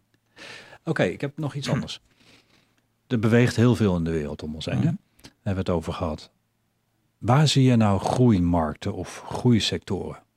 Mm wat, wat, zie je nou gebeuren in de komende jaren? Wat wordt hot? Wat wordt hip? Wat wordt happening? Waar zit de verschuiving? Nou, basis uh, is natuurlijk voedsel. Hè, dus, want dat is natuurlijk belangrijk. Uh, als we dan niet kunnen eten, hè, dus laten we gewoon vanuit de Maslow'se piramide uitgaan als je niet uh, kunt eten en ook niet goed kunt eten, dan, uh, ja, dan uh, heb je natuurlijk wel enorme problemen in je basisbehoeftes als, als mensheid. Dus ik denk dat voedsel een belangrijke wordt, net als water. Mm -hmm. um, maar tegelijkertijd, ook als ik dan kijk, moderne technieken, dus digitalisering op een wereldwijde wijze, dus ook op maakwereld, daar zal dan ook een enorme behoefte ontstaan. Denk bijvoorbeeld ook aan robots, dus die wij dan, die ons ook kunnen helpen met dagelijks leven. Dus er ontstaan uh, totaal nieuwe sectoren. Uh, ja, dus kortom, uh, voedsel, dat is de basis, water. Gezondheid. Gezondheid, hè, dus dat, is een, uh, dat is ook een belangrijke, want wij verouderen natuurlijk ook, wij vergrijzen met elkaar. Mm. Dus daar heb je ook een enorme opkomende markt. Want daar heb je steeds meer mensen nodig. En uh, wij kunnen nu al in de sectoren niet voldoende mensen vinden. En het is niet alleen hier in Nederland, maar dat is ook in Amerika het geval. Ik kwam dan laatst in Turkije, ze hebben al gastarbeiders uit uh, Wow. want omdat ze zelf die taken of jobs niet willen doen of kunnen doen, mm -hmm. dus hebben ze gastarbeiders binnengehaald. Dus kortom, dat, is een, dat is een volgende. En uiteraard, als je die basisneeds hebt, die dan ook op goede wijze wordt ingevuld, dan ben je toe aan de volgende. En namelijk, hoe kunnen we dan voorspoed bereiken? Ja, we hebben huisvesting voor elkaar, we hebben voeding Precies. voor elkaar, we hebben bescherming voor elkaar en dan gaan we naar... En dan gaan we naar de technische ontwikkeling. Hè? Dus wat kan nog meer? Hè? Dus mm -hmm. wat kunnen we dan met elkaar bereiken? Als je dan kijkt naar de zelfrijdende auto's, drones, hè? dus uh, delivery. Uh, ik denk dan ook, als je het dan hebt over de 3D-printers, dan is natuurlijk wel enorm. Ja, ze kunnen uh, tegenwoordig organen 3D printen. Dat is echt ongelooflijk. Wow. Je kunt schoenen, hè, dus uh, kun je dan nu krijgen. Ja. Ik denk over een aantal jaar, wij krijgen alleen maar een certificaat. Hè, dus wij wisten een certificaat en dan heb je zo'n 3D-printer thuis. En dan print je gewoon je schoen schoen of iets oh, anders je, wat je, je koopt, je koopt eigenlijk het programma dat de schoen Klopt. print. Oh, Juist. dat is interessant. Ja. Ja, dus, uh, ja, ja, in de bouw zie je dat ook enorm. Hè, dat er, Zeker. ja. Als je dan kijkt, er zijn natuurlijk nu hele apparaten die dan een uh, heel huis neer kunnen zetten. Je had het net over China-bezoek van jou. Ja. Dat ze binnen drie dagen een, uh, een, een uh, telefooncampagne had neergezet. Maar ja, met zo'n met zo'n 3D-printer. 3D-printer op een grotere schaal. Ja, je kunt in no time een eigen huis krijgen in, binnen een dag of misschien binnen Zelf enkele dagen. tekenen, een deel Juist. downloaden en hop. Hopsakee, dan heb je hem. En ehm, Als we hier naar, eh, naar rechts Nee, kijken, maar of je rechts, dan ehm, zie je een aantal brillen liggen. Daar ben ik ook wel eens over aan het filosoferen, wat, wat, wat daarmee gebeurt. Je kunt, je kunt een bril opzetten en met augmented reality of virtual reality, die steeds beter wordt. Zeker. Ja, dan kom je op een gegeven moment op een, op, op een punt dat je misschien op vakantie gaat door alleen maar een download van een, eh, een film te doen. Tuurlijk. Doe, doe- zie, je, zie je dat gebeuren? Zeker. Ehm, ik, had dan, eh, ik mocht dan eh, eh, een paar jaar terug ook in de jury zitten van, eh, van Windesheim. Hè, dus over de beste. Dat is journalistiek school, toch? Windesheim? Windesheim is breed eigenlijk. Hè. Dus, ja, wat Mhm. breder. Het is een hogeschool in Mhm. Almere. En dus daar ging het over de beste ideeën van, eh, van eh, studenten die ze dan ook eh, mochten presenteren. En daar kwam een groep en die hadden het over een, eh een eventcenter. Eigenlijk wilden ze een soort ruimte creëren waar je dan gewoon met de brillen belevenis kon opmaken. En toen kwamen we in gesprek en ik heb hen toen geadviseerd. Ik heb gezegd, nou weet je wat jullie moeten doen? Of wat jullie zouden kunnen doen is Mhm. dat je dan ergens een ruimte hebt. Hè, dus met zand. Kiezelzand, dus uit, eh, uit, eh, uit het strand. Dus als je dan geurreflectoren hebt. Dus of eh, systemen, luchtbehandelingssystemen die ook een beetje dat watergeur, een beetje dat strandgeur kunnen geven. En eigenlijk de warmte, dus die, die heaters in de ruimte. Dan kan iemand daar zitten met zo'n bril. En die kijkt om zich heen. En dan eh, heeft hij het gevoel van dat hij dan echt in een stand eh, zit. En dus dat zou natuurlijk wel, eh, dat is ook een van de elementen wat in de toekomst kan. Dus die vraag is, ja, uiteraard zullen we met vakantie gaan ook in de toekomst. Maar voor diegenen die dat ook even tussenuit willen. dus dan zou dat ook met dit soort virtual reality brillen mogelijk kunnen zijn. Trekken we even door. Die virtual reality die wordt steeds beter. Gaat die ook zo goed worden dat wij erachter komen dat we eigenlijk in een simulatie leven? Dat is wat Musk zegt, hè? dat we eigenlijk in een simulatie leven. Ach, Dat dit een grote computergame is waar we in zitten. ik weet niet wat ik moet geloven. Eh, Weet ik ook niet. hè. Dus eh zou zomaar kunnen, zou ook niet kunnen. Ehm nou, in ieder geval. ehm, Het is wel een leuke simulatie. Het is wel een leuke simulatie, dus zo moet je het zien. Ja. Ehm, mag je iets over gezondheidszorg nog vragen? Zeker. Ehm, die verandert ook enorm. En waar het op, op lijkt is dat de gezondheidszorg een verschuiving maakt van niet meer eh, eh, je helpen als je een probleem hebt alleen, maar heel ver van tevoren al opsporen wat een probleem zou kunnen gaan worden. Ehm, dan kom je ook al heel snel bij DNA. Ehm, en dan kom je ook al heel snel bij het in kaart brengen van DNA. En dan kom je misschien ook nog eh, al heel snel bij baby's bestellen. Dat je gewoon zegt, nou, die en die eigenschappen, die wil ik graag. En eh, die en die eigenschappen. En dan kun je zeggen, ja, maar ja, het is misschien een beetje lastig om dat zo te doen. Hè. Eh, vooruit, het is nog oké dat we voor blond kiezen. Maar ja, als we het IQ kunnen gaan bepalen, of als we de spiersterkte kunnen gaan bepalen. eh, en als we heel slim dat in gaan zetten, kunnen we misschien over tien jaar de Olympische Spelen wel winnen. Ehm, dan kom je op glad ijs. En misschien kun je ook wel op een ander vlak op glad ijs komen. Dat je zegt van nou, ehm, als jij niet gebruik maakt van dat wij het juiste DNA creëren, is er een kans dat iemand ziek gaat worden. Dus we moeten wel ingrijpen.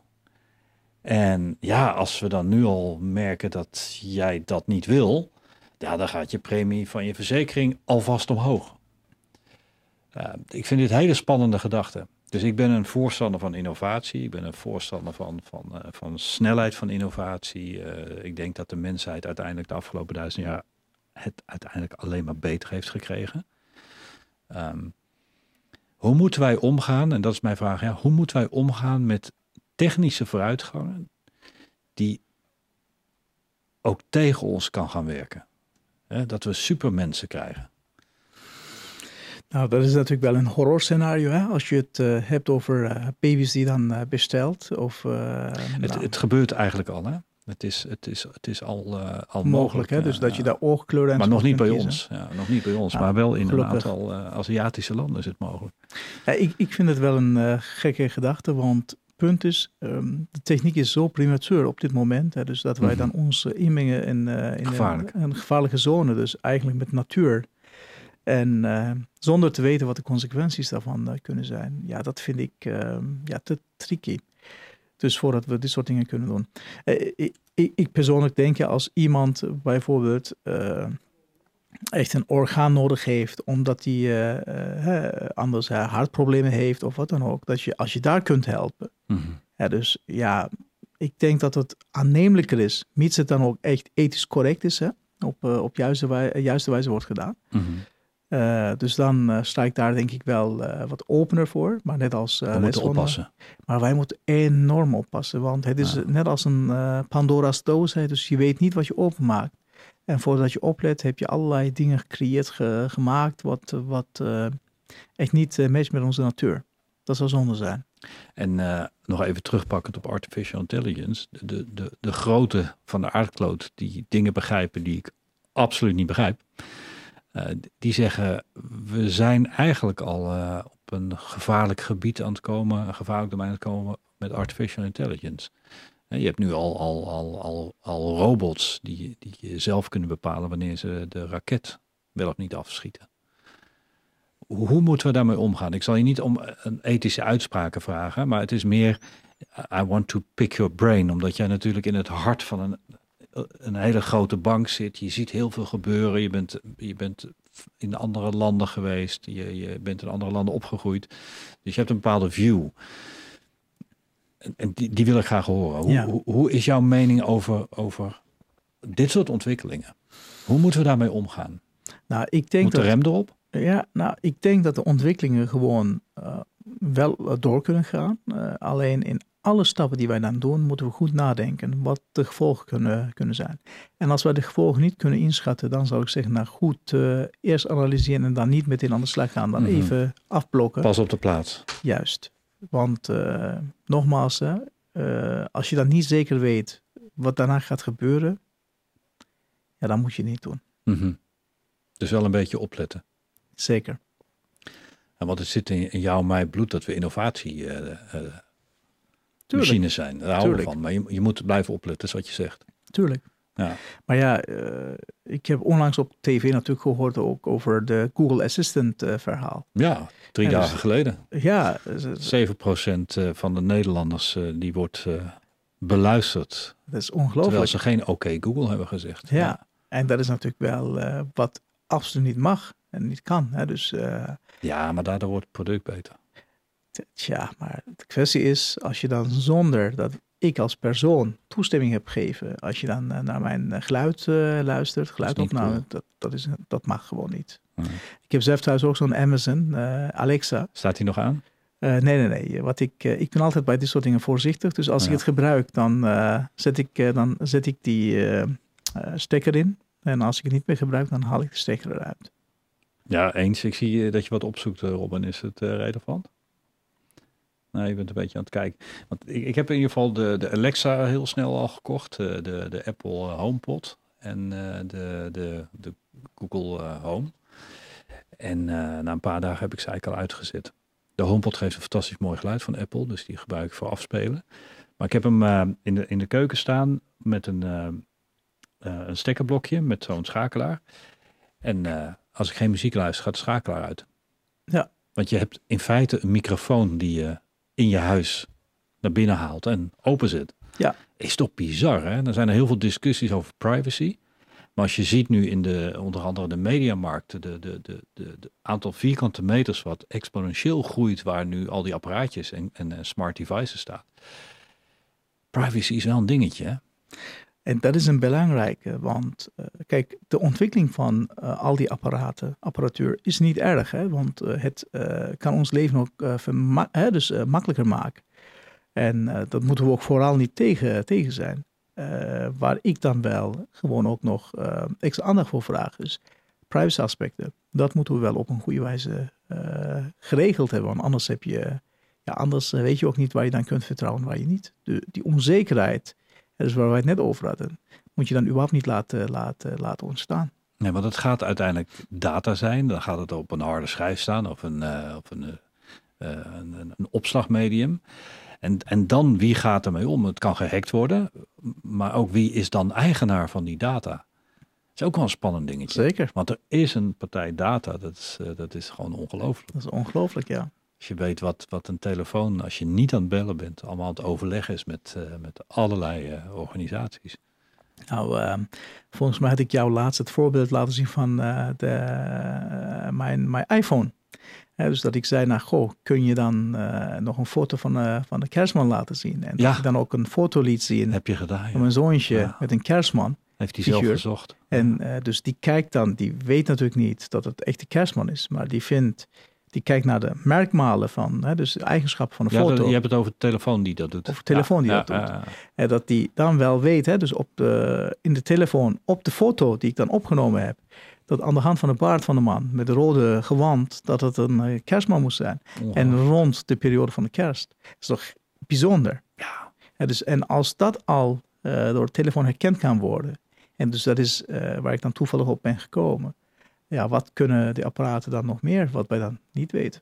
Google die bouwt een stad. Robin, dan moet je even opzoeken of ik, of, of ik niet mis zit. Of het Google is of Amazon is. Maar die bouwt nou van scratch af aan een stad. Waar alles geconnect is. Oh, Het is heel interessant en eh, en best wel veel mensen vinden het ook leuk om dat te doen. Maar ja, dan, dan, dan ben je beyond Big Brother is watching you. eh, dat is bijzonder. Ja, want dan, dan is gewoon alles bekend. En, en sommige eh, eh, s- steden in... eh, ja, Google is building a city of the future in Toronto in Cana- Canada. Ja, ongelooflijk. Dat is ongelooflijk. Alles is geconnect. Nou ja, ik weet bijna zeker dat dit de toekomst is. Op sommige plekken eerder dan op andere plekken. Mhm. Maar in, eh, eh, nogmaals het voorbeeld van, van China. Je hebt daar dus dorpen en steden waar je gezichtsherkenning hebt. Bijzonder. Dat, je dus, dat, je dus, dat je dus een boete krijgt op het moment dat je door rood loopt. En als je thuis bent, heb je hem al in je mail. En dat wordt ook voorspeld. Dat, misschien kun je dat eh, straks ook nog even pakken, eh, Robin. Eh, die, ik dacht dat het, ik weet niet of het Korea was of, of China. Maar, maar daar is gezichtsherkenning. Eh, gewoon op straat. Dus je kunt nergens meer lopen zonder dat je naam eh, boven je hoofd wordt geplot eh, op monitoren die worden bekeken. Net als die movie Minority Report. Ja, want daar wil ik dan uiteindelijk naartoe. want dat, dat, dat is dan real time nu. En dat is al Wauw. heel stoer. Maar dat wordt predictive. Ja, Dus als je zeker. pa- patro- patronen... Hoe, hoe kijk je daar tegenaan? Nou, kijk, patronen kunnen natuurlijk wel veel over ons vertellen, over ons zeggen, Mhm. maar ook niet alles. Want patronen zijn natuurlijk gebaseerd op het verleden. Maar tegelijkertijd zijn wij natuurlijk ook mensen die dan ook eh, vaak eh, hè, dus van, eh, van continuïteit houden en ook van patronen houden. Dus dat zal zeker ook een aantal dingen over ons kunnen zeggen. Maar als je dan dit soort patronen inzet om meer te kunnen verkopen aan mensen die dat niet nodig hebben, ja, dan vind ik het ook uh, is ook ethisch weer- gezien. Dat is een ethisch vraagstuk. Hè? Ja, dan vind ik het ook lastig hoor. Ja. ja, ik vond het wel leuk ehm, eh, van Philips. Die had een jaren geleden had hij een appje op de iPhone. Dan kon je de camera voor je neus houden, voor je gezicht houden. En dan gaf hij je hartslag aan. Omdat elke keer als je hart klopt, je, je gezicht iets roder wordt. Super. Daar waren ze compleet voorlopend mee. Dus dat is een gratis appje en dan kon je gewoon je hartslag met je gezicht mee. Dat is handig. De, de Apple Watch die ik nu heb, die geeft heel veel informatie. Zeker die nieuwe, die, die meet ook de, de ruimte tussen de hartslagen. Dat zegt, zegt, wel iets, zegt wel iets over je gezondheid. Dus het, het heeft heel veel voordelen. Maar het is ook wel spannend. En, en eigenlijk werk ik toen naar de vraag, moeten wij dan daar iets mee doen? Of moeten we dat laten gebeuren? Je had het net over de zorgsector die ook aan het veranderen is. Hè? Dus eh, veel meer van eh, in plaats van curatief naar preemptief. Dus en dit soort wearables, hè, dus eh, horloges, smart devices, kunnen natuurlijk wel juist ook helpen om in de preemptieve zorg. Hè? Dus als je dan een aantal symptomen hebt en dat wordt dan door, door de horloge ontdekt, dan kun je veel sneller eh, ook eigenlijk geholpen kunnen worden met je gezondheidsprobleem, hè? dus of met een klacht. En dat kan uiteindelijk ook jou als mens helpen, maar tegelijkertijd ook onze, ons zorgsysteem helpen om eh, kosten te besparen op de deur. Dus ja, ik omarm dat. Ja, dus eh, echter af en toe, hè, dus ik heb, eh, ik heb zo'n Apple Watch natuurlijk ook. En af en toe krijg ik dan wel een hele gekke signaal dat die zegt, ja, maar uw hartslag eh, is onregelmatig. onregelmatig. Dan denk ik, ja, hoe kom je daarop? Hè? Dus ik zit gewoon op de bank een boek te lezen. Mhm. En eh, dat gevoel heb ik niet. Ja, dus dan, ja, dan denk ik dat die, die wijzers die zijn wel goed, maar die kunnen nog beter worden. Ja, En dat is denk ik ook wel een, een dingetje met, met, met innovatie. Dat het moet ook zijn tijd krijgen om uitontwikkeld te raken. Zeker. En dat is, dat is ook best wel moeilijk, omdat het allemaal zo snel gaat. Klopt. Ik heb nog een laatste, laatste dingetje, wat ik eh, een interessante en spannende gedachte vind. Mhm. Of eigenlijk een vraag vind. Waarom zijn wij mensen toch altijd bezig met vooruitgang? Dat is iets van duizenden, tienduizenden jaren. Dat, altijd moet het beter. Ja. Altijd. Dat, het lijkt wel of de mensheid een innovatiegen in het DNA heeft. Nou, ik denk dat we dat ook hebben. Eh ken je het boek Homo sapiens? Zeker. Dus en daar staat het natuurlijk ook in, hè, dus dat we ooit, hè, dus generaties terug, eigenlijk eh, stappen hebben gezet om 50 tot 100 kilometer verder te komen. Om daar, omdat wij daar eigenlijk verder wilden, om, omdat wij daar ook een nieuwe, nieuwe gemeenschap wilden opbouwen. En zo is eigenlijk over de hele wereld onze, hè, zijn wij eigenlijk verdeeld, als je het dan zo hebt. En dat is natuurlijk wel een eh, bijzonder eh, verhaal als je dat leest. En dus het zit gewoon bij ons in de genen. Wij willen vooruitgang. Eh, wij willen gewoon ontdekken. We zijn nieuwsgierig. Hè? Dus, en ik denk dat de nieuwsgierigheid ook een factor speelt. Wij willen weten wat zit erachter. En wij nemen niet zomaar genoegen met dat wat wij al hebben, want ja, misschien is er nog iets meer eh, wat ons kan helpen. Dat is bizar, hè? Als er, Zeker. als er andere, andere wezens in het universum zouden zijn, volgens mij zijn wij dan de innovatiewezens. Nou, dat geloof ik wel, ja. Dat is ongelooflijk. En ook eh, zijn we creatieve wezens, denk ik. Als ik dan kijk, hè, dus eh, vaak, hè, soms mopperen we natuurlijk wel over het weer. hè, dus dat het dan te warm is of eh, dat het dan te veel regent of te koud is. Maar tegelijkertijd, en soms hebben we problemen, maar tegelijkertijd hè, dus zijn wij ook kampioen in, eh, bij creëren van creatieve oplossingen. Ja, dus en dat mogen we ook niet vergeten. Dus innovatie en creativiteit, dat maakt ons mens natuurlijk ook uniek ten opzichte van de computers en robots. En als je dat combineert met diversiteit, dan Ah, hebben we gaaf. best wel een mooie beschrijving van hoe jij leeft. Zeker, zeker, dat klopt. Heel erg dankjewel. Dank ook aan het on. Tot de volgende uitzending.